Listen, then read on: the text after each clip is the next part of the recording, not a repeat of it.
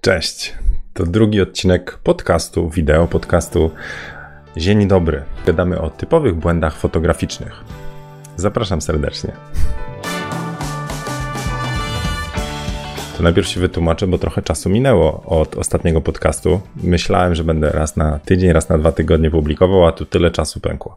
E, no powodów jest wiele i chyba główny to ten sam, który dotyka nas wszystkich, którzy mają kłopoty z publikacją zdjęć. Perfekcjonizm, obawa, próba znowu przygotowania się nadmiernego wręcz do tego odcinka, e, aż w końcu stwierdziłem, że nie da rady przygotowywać się w nieskończoność, nagraj zieniu tak jak jest, co niektórym się przyda. No dobra, więc po tym wytłumaczeniu, o czym dzisiaj w tym odcinku? Zapytałem e, patronów, jakie błędy z perspektywy czasu popełniali, w szczególności na początku drogi fotograficznej. I nie pytałem tak konkretnie o to, e, co psuli na zdjęciach, bo o tym jest mnóstwo książek i poradników, znaczy 7 najczęstszych błędów na zdjęciach, tylko bardziej mi chodziło o to, co się dzieje, kiedy zaczynamy tą fotografię i no właśnie, wpadamy na jakąś przeszkodę. Czym są te przeszkody i czy można sobie z nimi radzić? A żeby was nie zmylił ten tytuł podcastu, to przejdę przez te typowe błędy na zdjęciach. Przede wszystkim ostrość, niewłaściwa. To znaczy, jak zdjęcie jest nieostre, a konkretnie bym powiedział, nie jest ostre na tym, na czym powinno być ostre, to wtedy odczytujemy to jako błąd. To zdjęcie może się nie podobać. Zwykły przykład. Portret, jak nie mamy ostrości na właściwym oku, gdzieś tam zejdzie, nie wiem, na ucho, na, na bark, na, na coś innego, to to zdjęcie źle się czyta. Jeżeli aparat sam ma zgadnąć, czyli sobie tam wybiera z tych wszystkich pól ostrości e, punkt, który według niego jest interesujący, to możemy nie trafić w to, co chcemy pokazać na zdjęciu. To to jest pierwsza rzecz, czyli błędna ostrość, czy nietrafiona ostrość. A druga, którą też często widzę, to jest poruszone zdjęcie. I to z reguły wynika znowu z tego, że my nie, niedobrze dobierzemy parametry do sceny. Jeżeli, nie wiem, coś nam się przesuwa w kadrze, a my zrobimy za długi czas, to to będzie poruszone. Albo my się ruszamy, a my jesteśmy na troszeczkę dłuższym czasie, w szczególności w ciemniejszych scenach. Czyli poruszone zdjęcie, nie, nietrafiona ostrość. A jak już jest nietrafiona ostrość, to jeszcze bym powiedział, czasami jest tak, że właśnie fotografowie broniąc się przed tym, żeby coś było nieostre, próbują wyostrzyć na wszystkim. Więc to mi się też często zdarza, że widzę zdjęcia, gdzie w ostre jest wszystko kompletnie. I są sceny, gdzie to nie jest właściwe, bo Ostrość to jest też taki środek wyrazu, nie? ja to nazywam skupienia uwagi. To znaczy, my mówimy odbiorcy, popatrz tu, to jest ważne. W portrecie będzie to oko i to to bliższe. A jeżeli będzie to plener, pejzaż jakiś ładny, no to może chcemy właśnie, żeby wszystko było ostre, a nie, że tam tło jest rozmyte i pierwszy plan jest rozmyty. Więc ta decyzja o tym, co jest ostre, musi być świadoma. A ostrzenie zawsze na wszystkim powoduje, że my nie, nie dajemy tego, właśnie nie używamy tego jako środka wyrazu, tylko chcemy technicznie obronić zdjęcie. Dobra, lecę dalej. Skoro mamy ostrość, czas, to jeszcze została ekspozycja. No, jak często widzieliście zdjęcia niedoświetlone albo przepalone? E, albo znowu, jeżeli strzelamy w trybie automatycznym, to aparat próbuje zgadnąć, co jest na scenie i sobie dobrać parametry. No i z reguły, jak to będzie zdjęcie, które ma być ciemne, bo nie wiem, jak ja założyłem ciemną koszulkę, jestem na ciemnym tle, to chciałbym, żeby twarz była poprawnej ekspozycji, a nie żeby scena była dobrze naświetlona, czyli żeby na przykład z czarnej koszulki zrobiła się szara. Też się to zdarza, zwłaszcza na live'ach, jeżeli oglądaliście jakieś fotokawki, gdzie ja z telefonu w czarnej koszulce występowałem. To aparat głupi aparat niestety mówi, ok, jest za ciemno, jest w kadrze, to my wszystko rozjaśnimy. Wszystko, łącznie z twarzą, twarz jest przepalona. Czy jak macie zdjęcia pod światło, mamy przepalenia i to też niefajnie wygląda, więc ekspozycja niewłaściwa to jeden z najczęstszych błędów. Co mam jeszcze tutaj? E, proszę bardzo, tło, mistrzowie drugiego planu, wystające słupy, jakieś rzeczy, które rozpraszają uwagę i nie są częścią kadru. Nie wiem, chcecie zrobić fajną pocztówkę z wakacji, robicie, a potem się okazuje, że tak naprawdę to ktoś, kto inny ogląda, nie widzi pięknej, nie wiem, tam laguny na Chorwacji, tylko widzi, że na pierwszym planie jest przebierająca się na parkingu jakaś pani w boku kadru przy samochodzie, bo tam plecak zmienia, a, a, a dopiero rusza. Czyli nie skupiamy uwagi znowu na tym, co, co ważne. My to widzieliśmy, ale nasz obiektyw ujął co jesz coś jeszcze innego. Czy to w tle, czy to na bokach kadru, no to kolejny błąd. Inne, co, co często widzę, to jest zawsze wszystko w centrum kadru. To znaczy, jeżeli ostrzycie, to twarz, jak ja miał sam siebie teraz wykadrować, to moja twarz byłaby w środku kadru. Co też jest niewłaściwe. Gdziekolwiek idziecie, to macie po prostu zawsze w środku. Przewinąć taką sesję dowolnie, czy to jest pejzaż, plener, czy portrety, to przewijacie szybko zdjęcie i widzicie, gdzie był punkt ostrości. I właściwie to się wiąże z tym pierwszym punktem, bo w, w środku kadru, w e, aparatach, w lustrzankach jest najlepsza ostrość, więc broniąc się przed e, poruszonym czy nie, przepraszam, nietrafionym zdjęciem z ostrością, to celujemy w ostrość i strzelamy, ostrzymy punktem ostrości w środku i wtedy jest ok. Ale to znaczy, że musimy tak skomponować, że to coś, na czym ostrzymy, jest w środku, więc ta głowa na przykład jest w środku, budynek jest w środku i tak dalej, i tak dalej. To są nudne kadry. E, kolejny punkt, zła ogniskowa. Mm, to znaczy dobranie takiej ogniskowej, bo mamy jakiś obiektyw i strzelamy i to najczęściej widać w portretach, jak jest szerokim kątem bliski portret. Czy, czy, czyli selfiki w telefonach na przykład z bliska robione powodują, że mamy taki duży nohal i gdzieś tam wszystko za nami się zagina. Taki efekt barełkowania jest. Inny to jest, często to się nazywa ten krzywy horyzont, czyli na przykład jeżeli robicie zdjęcie, e, gdzie są widoczne linie proste, na przykład linia horyzontu i morza i ona jest trochę trochę bujnięta. To, czyli tak nie z zamysłem, że coś robimy po skosie, tylko lekko bujnięta i to się mówi, że to się woda wtedy wylewa z kadru. Dobra, mam coś jeszcze? No mam, już chyba ostatni punkt. E, to dodajmy przesadzony retusz. Jak się zaczynamy uczyć, to często te filtry, presety czy różne suwaczki jesteśmy w stanie pociągnąć na maksa, bo nas to fascynuje. Ale to powoduje, że tracimy tą perspektywę, bo to jest trochę tak jak gotowanie żaby, jak to się mówi. Znaczy jeszcze jeden stopień, a jeszcze jeden, jeszcze jeden, jeszcze jeden, a ktoś z zewnątrz widzi od razu taką właśnie ugotowaną żabę, czyli od razu widzi zdjęcie, które jest po prostu mocno e, przeretuszowane i wtedy po prostu jest taki efekt sztuczności. No, przesadzone kolory, jak ktoś retuszuje skórę, to wychodzi z reguły takie plastikowe coś na twarzy, e, czy filtry upiększające, to też są takie różne rzeczy. Nie przesadzać. No dobra, czyli tak fotograficznie ostrość albo nietrafione, albo poruszone zdjęcia, a sorry, albo przesadzona ostrość, znaczy wszystko jest ostre, e, do tego kadrowanie w centrum, proponowałbym zmieniać kompozycję. E, patrzymy na co jest w kadrze, w szczególności co jest w tle, za naszymi obiektami, które fotografujemy, po bokach kadru i e, zła ogniskowa perspektywa też, czy też kadrowanie, czyli walące się budynki, wylewające się jezioro i przesadzony retusz. No dobra, to to było dla tych, którzy myśleli, że w tym odcinku będzie o typowych błędach na zdjęciach, więc mam nadzieję zadowoleni. A teraz idziemy dalej. E, teraz chciałbym tak przejść przez to, o co zapytałem patronów. To znaczy, ja zadałem konkretne pytanie. A tam konkretne, no. Myślałem, że konkretne, ale zadałem pytanie takie. Co było dla Was trudne na początku? Jakie błędy sami popełniliście przy ruszaniu i rozwoju fotografii? E, czego wa według Was koniecznie trzeba unikać i w drugą stronę. Co Wam najbardziej pomogło na starcie i z jakich swoich decyzji rozwijającego się fotografa jesteście najbardziej zadowoleni i możecie polecić innym? To było pytanie do patronów. No i teraz zobaczmy, co my tu mamy. Więc ja zobaczę, no. A, ty, a tobie już, już opowiadam. Pogrupowałem te odpowiedzi i typowe błędy w trzy takie no, bloczki, żeby łatwiej było powiedzieć. Pierwsza to sprzęt, druga to technika i proces, a trzecia to nazwałem to w głowie. Nie chciałem tego szumnie nazywać psychologią, ale to coś z myślami, z naszym nastawieniem. Dobra, co do sprzętu. Tu Olo pisze, że jako błąd na początku, który popełnił, to uważa zakup sprzętu nie na wyrost to znaczy takiego, który po chwili próbowania fotografii, rozwijania jej, stał się przeszkodą.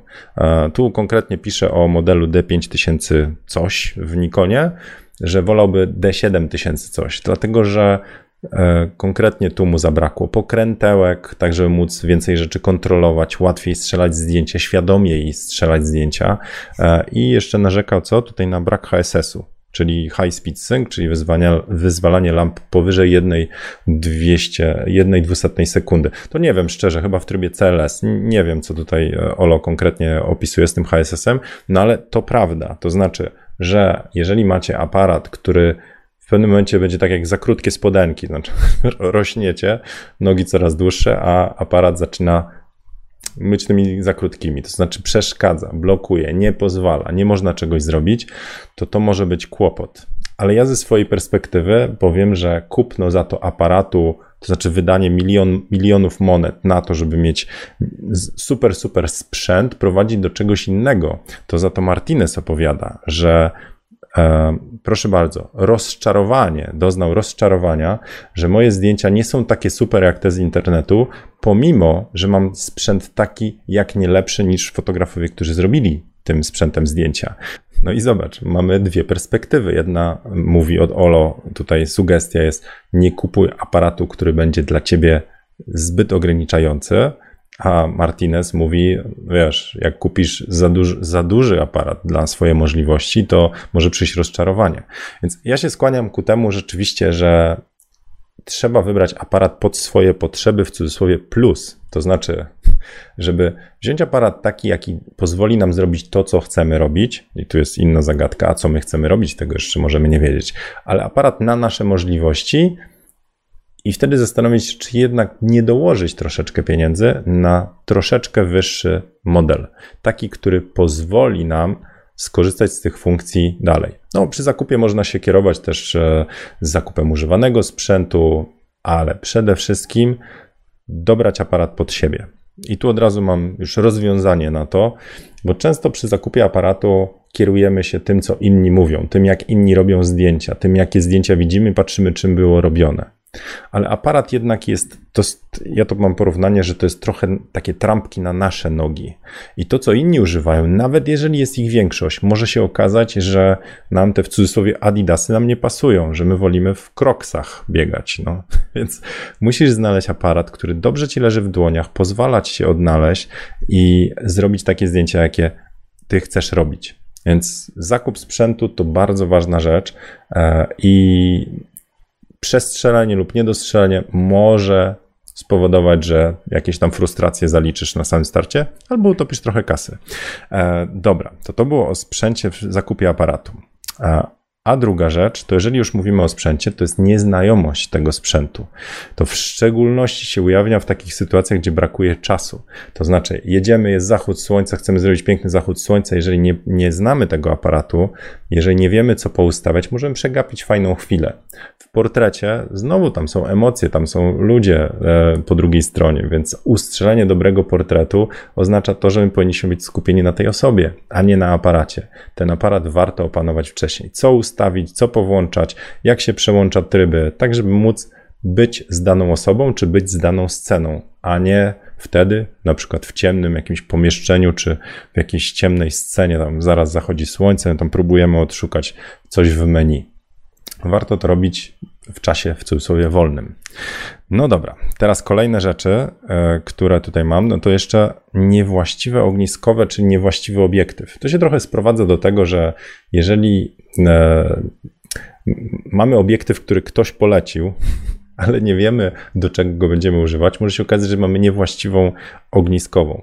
E, typowy przykład, ludzie chwalą 35 Sigmy Art. Sam mam i uwielbiam. No ale jeżeli ja mam pełną klatkę i miałbym mieć 35 jako jedyny i pierwszy obiektyw, a wiem, że będę robił portrety, takie pozowane, takie bliskie, to taki obiektyw byłby niewłaściwy. Tu bardziej by się sprawdziła 85, ewentualnie 50.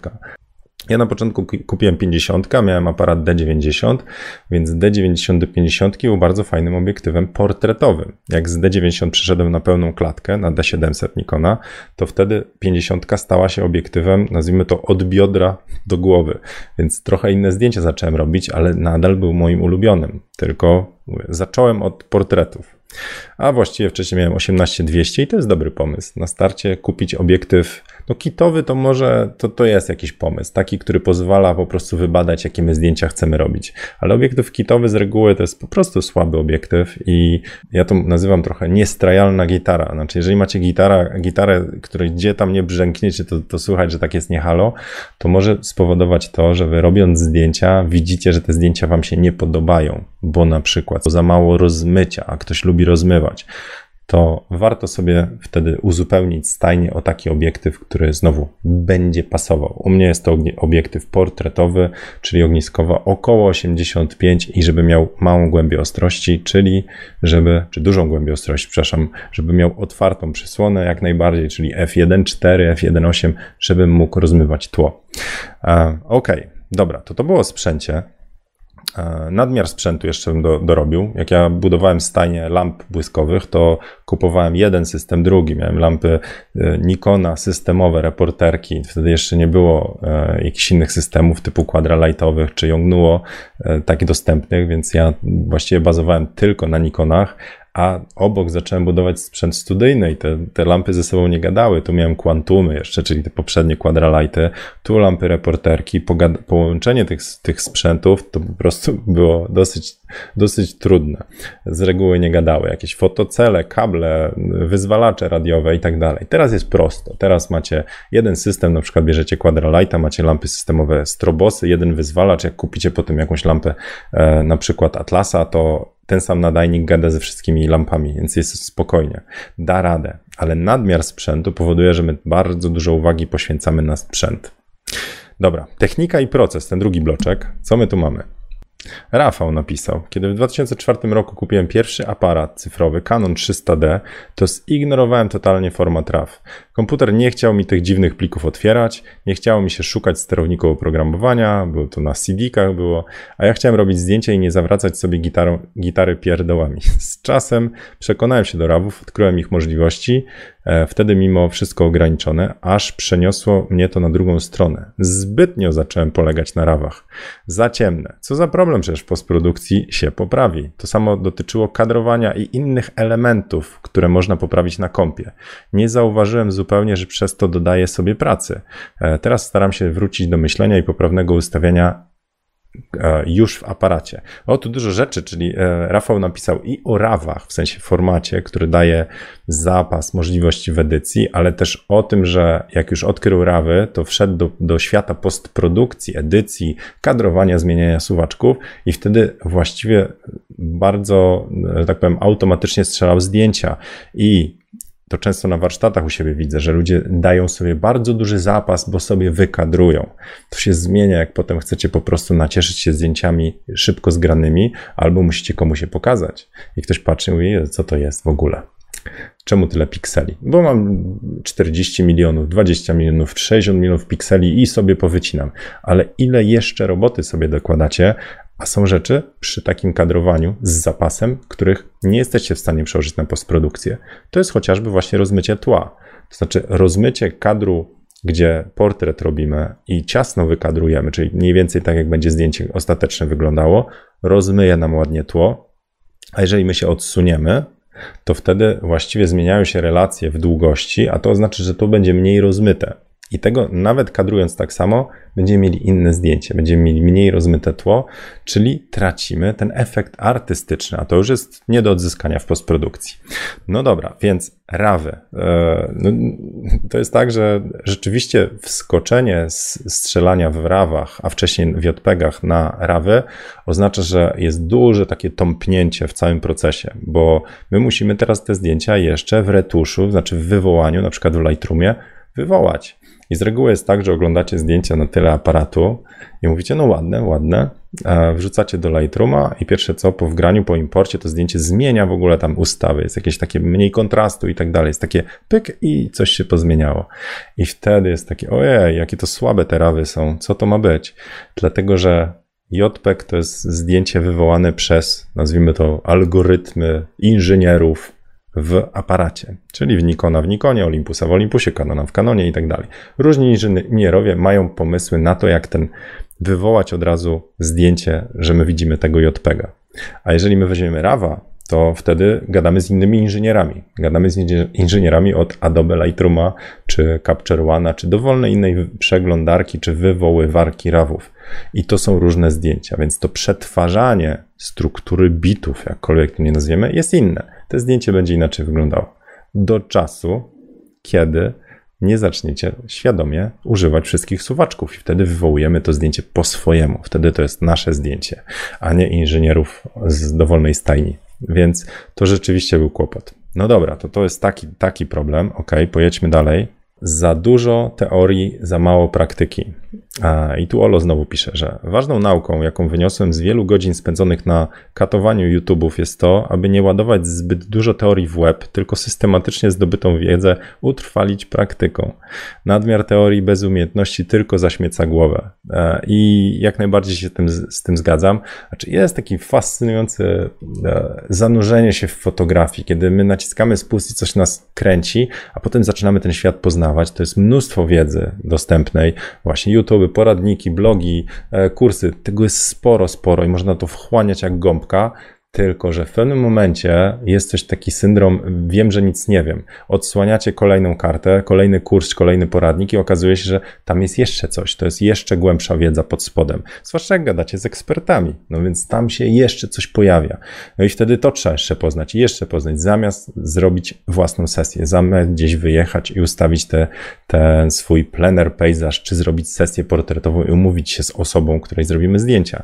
Że ciągle jest taka obawa, że nie jestem jeszcze, nie wiem jeszcze tyle, nie mam tyle sprzętu, nie umiem e, zrobić dobrego zdjęcia, jeszcze muszę dalej kopać, dalej przerobić.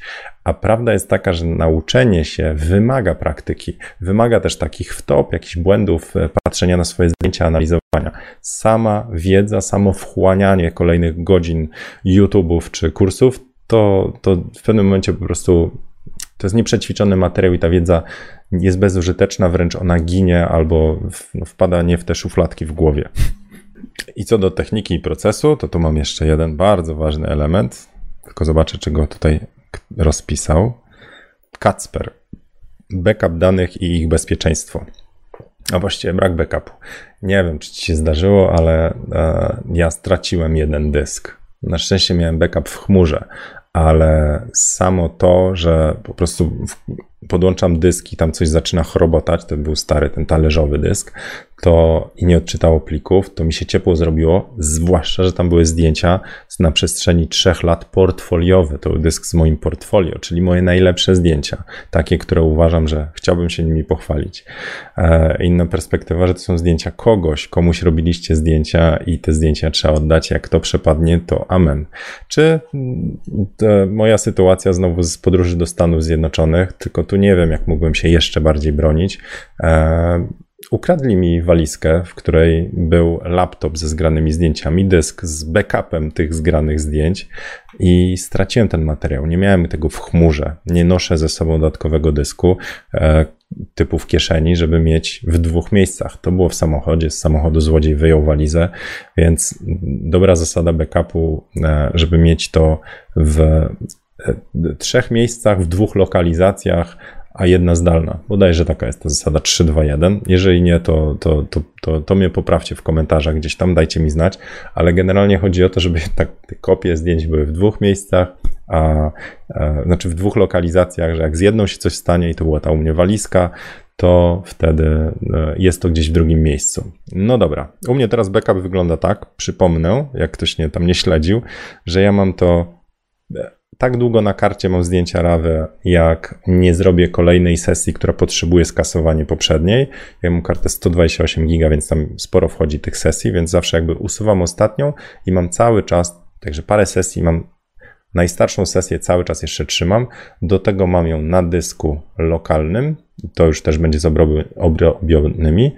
Mam osobny dysk zewnętrzny, taki WD My Cloud Home, na który to wgrywam. Te, te, te wybrane zdjęcia, przeedytowane, nie całą sesję, a wszystko jest jeszcze w chmurze na Dropboxie. E, mam taką licencję na 2 terabajty. I od paru miesięcy używam Amazon Prima, który ma subskrypcję, to jest 12 dolców i tam jest mm, nielimitowane w pełnej rozdzielczości zdjęcia łącznie z rawami. To znaczy mi się cały czas tu z peceta za mną, cały czas mi się tam zdjęcia dodatkowe wgrywają. Dowolna nowa sesja, łącznie z tymi zdjęciami, których nie retuszuję, wszystkie rawy, ale też wszystkie potem preedytowane TIFy, one wchodzą do do właśnie e, do chmury Amazona. Także mam dwie chmury, dwa dyski i jeszcze przez jakiś czas rawy na starej karcie. Czuję się zabezpieczony. Ok. E, zobaczmy, co jeszcze tutaj, jeśli chodzi o ten proces. To, to właściwie tyle. To znaczy, myślę, że tych typowych błędów jest więcej, ale tu bazuję na odpowiedziach od patronów. E, I kolejny bloczek, który tutaj zgrupowałem, to, to to, co mamy w głowie.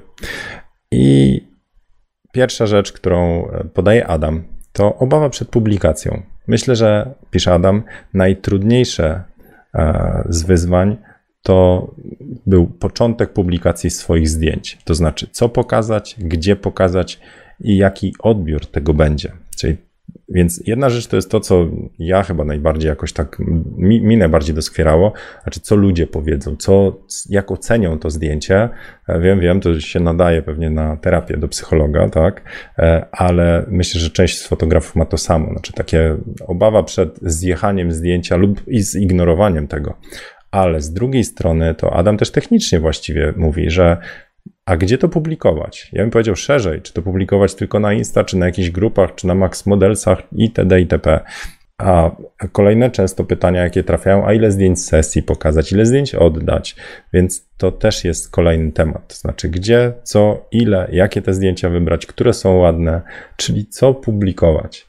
I to wcale nie jest proste zdecydować, co po sesji opublikujemy, takie szukanie siebie, które zdjęcia nam się najbardziej podobają, a które po mogą się spodobać innym i czy to będzie ta część wspólna. Nie wiemy. Kolejna rzecz to tu dwie osoby napisały, Martinez i Artur. To przeczytam od Martineza. Hmm. Co było trudne?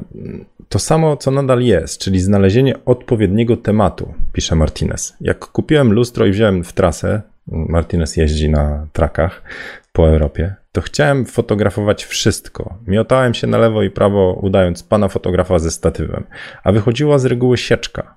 Po pewnym czasie doszedłem do tego, że nie warto wyciągać aparat co chwilę, bo na przykład szkoda migawki, ale nie nachalnie, czyli nie na siłę, szukać tematu do zdjęcia. To jest tak z, to jest tak z przygodą. Przyjdzie sama i będzie fantastyczna, tylko bądź wtedy gotów podjąć wyzwanie, a nie rzucaj się na każdą okazję, bo będzie tylko rozczarowanie. Ale to chyba jest jednak tak, że swoje trzeba wypstrykać i skasować, żeby do tego dojść. Trudniej jest być cierpliwym, gdy emocje wchodzą w grę, na przykład związane z kupnem nowego sprzętu. No i w pełni zgoda, Martinez. Znaczy w ogóle takie strzelanie na oślep, niezależnie co fotografujemy, to jest chyba na samym początku u każdego jest. Dostajemy nowy sprzęt, kupiliśmy sobie i napierdzielamy na lewo i na prawo, a potem dopiero się zastanawiamy, czy coś z tego w ogóle wyszło. Ale myślę, że to normalne i w pełni też zgoda, że do tego trzeba dojść, wypstrykując kolejne sesje, ucząc się, patrząc, analizując, co nam się podobało, co nie, co możemy zrobić. Ja bym powiedział też, że w drugą stronę. Ja miałem taką frustrację za to, gdy ja cały czas pstrykałem tam te setki czy tysiące zdjęć na sesji. Byłem w stanie przynieść dwa tysiące z sesji jednej osoby portretowej w jednym miejscu. To nie była jakaś sesja editorial, tylko jeden, jedne, jednego portretu szukałem, a przyniosłem w sesji około dwóch tysięcy zdjęć łaziliśmy po parku. No, no, to też przesada. Strzelałem serią. Miałem taką frustrację i potem się po prostu oceniałem, że ja jestem złym fotografem, że ja powinienem tak jak za czasów analogu zrobić 36 klatek i każda dobra, albo przynajmniej w miarę. A potem też obejrzałem innych fotografów, na przykład Petera Lindberga. E, on fotografuje w ruchu zdjęcia. Ok, to też tłumaczy, że trzeba zrobić serię zdjęć, ale zobaczcie sobie na YouTubie, polecam bardzo. Jak wpiszecie Peter Lindberg, znajdziecie dokument o nim, niedawno odszedł. I zobaczcie z, z, planu zdjęciowego, jak on strzela. To jest strzelanie seriami. Więc wydaje mi się, że każdy ma swój proces i nie ma co mieć frustracji, że inni strzelają bardziej, niezależnie co to bardziej znaczy. E, więc warto się przy tym uspokoić. Ale tak jak Martinez pisze, znalezienie tego tematu, czyli co my chcemy fotografować, co nam się po, po, będzie podobało, co jest tematem też tam, gdzie jesteśmy, kiedy nacisnąć ten spust, no to, to jest taka trochę droga i szukanie. Czy to jest błąd? Nie wiem, chyba nie. Chyba to jest po prostu kolejny etap. To jest jak nauka jazdy na rowerze, że po prostu gdzieś jest etap, gdzie mamy te przyczepione kółeczka, czy te nogi dodatkowe tam wchodzą w ruch. Dobra, i Artur, mówiłem, że są dwie odpowiedzi, to jeszcze Artur mm, napisał trochę inny temat. To znaczy, na początku najtrudniejsze było określenie, jaka fotografia mi się podoba i w jakim kierunku chcę się rozwijać. To kluczowe, bo wiedząc to, wiem, jaki sprzęt i kupić, w jaki sprzęt wejść. No i to jest trochę to, co ja mówiłem wcześniej, i to jest takie zapętlenie. To znaczy, żeby kupić właściwy dla nas sprzęt, musimy wiedzieć, co znaczy dla nas, dla jakiego rodzaju fotografii, co my fotografujemy, co chcemy fotografować, a wtedy będziemy już w miarę mogli powiedzieć: OK, portrety to takie ogniskowe, taki aparat i takie parametry będą brały pod, pod, e, będę brał pod uwagę. Jeżeli ktoś mówi, że potrzebuje aparatu w podróży, to pewnie na przykład kryterium będzie waga, żeby rozmiar był mały, żeby to było coś, co może zabrać ze sobą i też wodoodporne, kurzoodporne i upadkoodporne. Inne parametry bierzemy, biorąc pod uwagę różne rodzaje fotografii. No ale musimy wtedy jeszcze wcześniej odkryć, co chcemy za fotografię robić, co nas kręci. Więc wydaje mi się, że te obie, obie tematy e, jednym, jedną rzeczą się po prostu robi. To znaczy, im więcej robimy zdjęć, im więcej oglądamy zdjęć, im więcej nastawiamy się na to, ja to nazywam wewnętrzny kompas, to znaczy takie wyczulenie, co nas kręci, co nie, to ty, tym szybciej znajdziemy to, co, co chcemy robić. Czyli im więcej prób, tym więcej eksperymentów, szans na to, żeby poznać ten, ten temat, który nas interesuje. No dobra, więc to były te dwa tematy w głowie. I trzeci, który ja dołożyłem, to obawa przed sesją. A tu już wcześniej mówiłem, że część osób, mam wrażenie, jak się zanurzy w fotografię, dostaje takiego przerażenia wręcz. Z jednej strony fascynacja, z drugiej przerażenia, że e, jest tyle rzeczy jeszcze do opanowania, zanim zrobimy dobrą sesję bo jeszcze to, jeszcze to. I to, to oznacza wiedza, pomysły, inspiracje, e, poradniki, ale też sprzęt, opanowanie, dokupienie. Więc te, te rzeczy mogą nas blokować.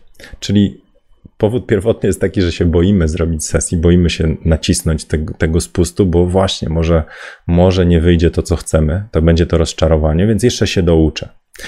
E, I tutaj z tą obawą przed sesją taki temat, który ciągle wałkuje, to jest ten perfekcjonizm. Znaczy właśnie, że to jeszcze nie będzie dość dobre, tu jeszcze będzie kiepsko, jeszcze nad czymś warto poprawić.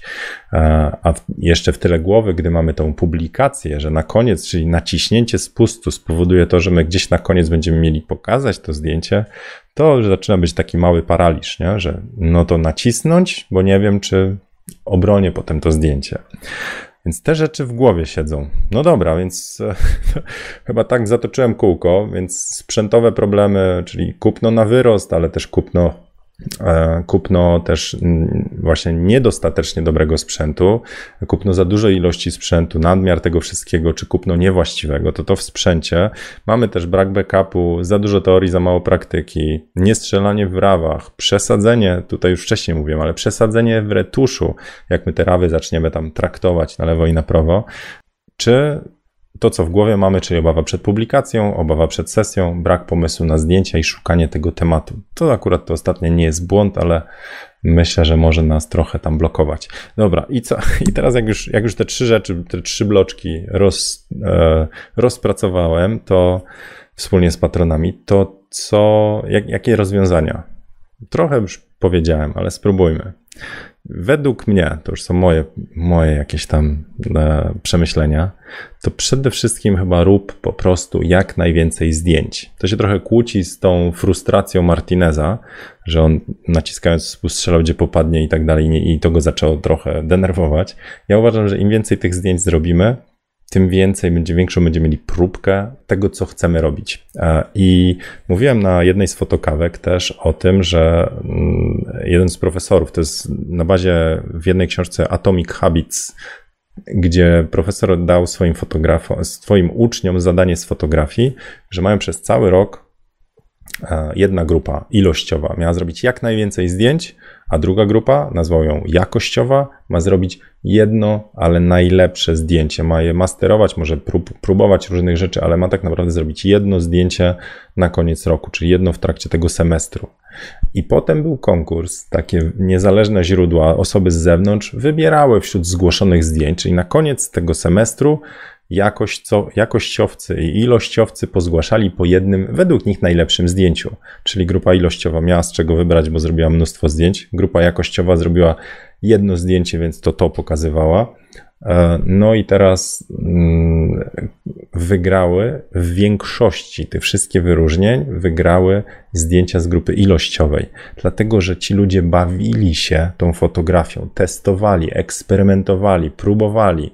Więc taka jest e, recepta, to znaczy rób jak najwięcej zdjęć i ucz się w trakcie. To znaczy rozwijaj ten warsztat i to jest punkt drugi, to znaczy rozwijaj warsztat, ale nie tylko w jednym miejscu.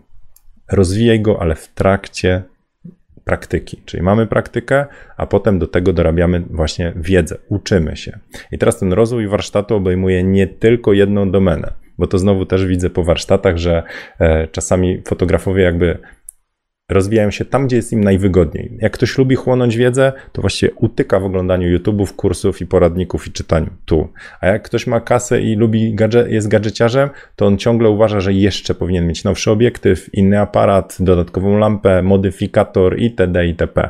Znaczy utykamy tam, gdzie jest nam wygodniej, a prawda jest taka, że trzeba było tak w kółku wszystko przetestować. To znaczy, rozwijamy warsztat, czyli szukamy pomysłów na zdjęcia, czyli patrzymy na inspiracje, e, też rozwijamy, nazwijmy to sztukę, art. E, I tutaj konkretnie odsyłam Was do wywiadu z Seanem Archerem, który zrobiłem. On jest po angielsku, ale z napisami, gdzie on mówi, że na przykład e, on poleca studiować pracę malarzy renesansu, które go inspirowały, ale też na przykład, jeżeli robimy portrety, żeby wziąć kurs rysunku bo wtedy zaczynamy rysować światło. Czy inny z pomysłów to jest pójść na kurs wizażu, żeby zobaczyć, jak potem dodgebernować w Photoshopie.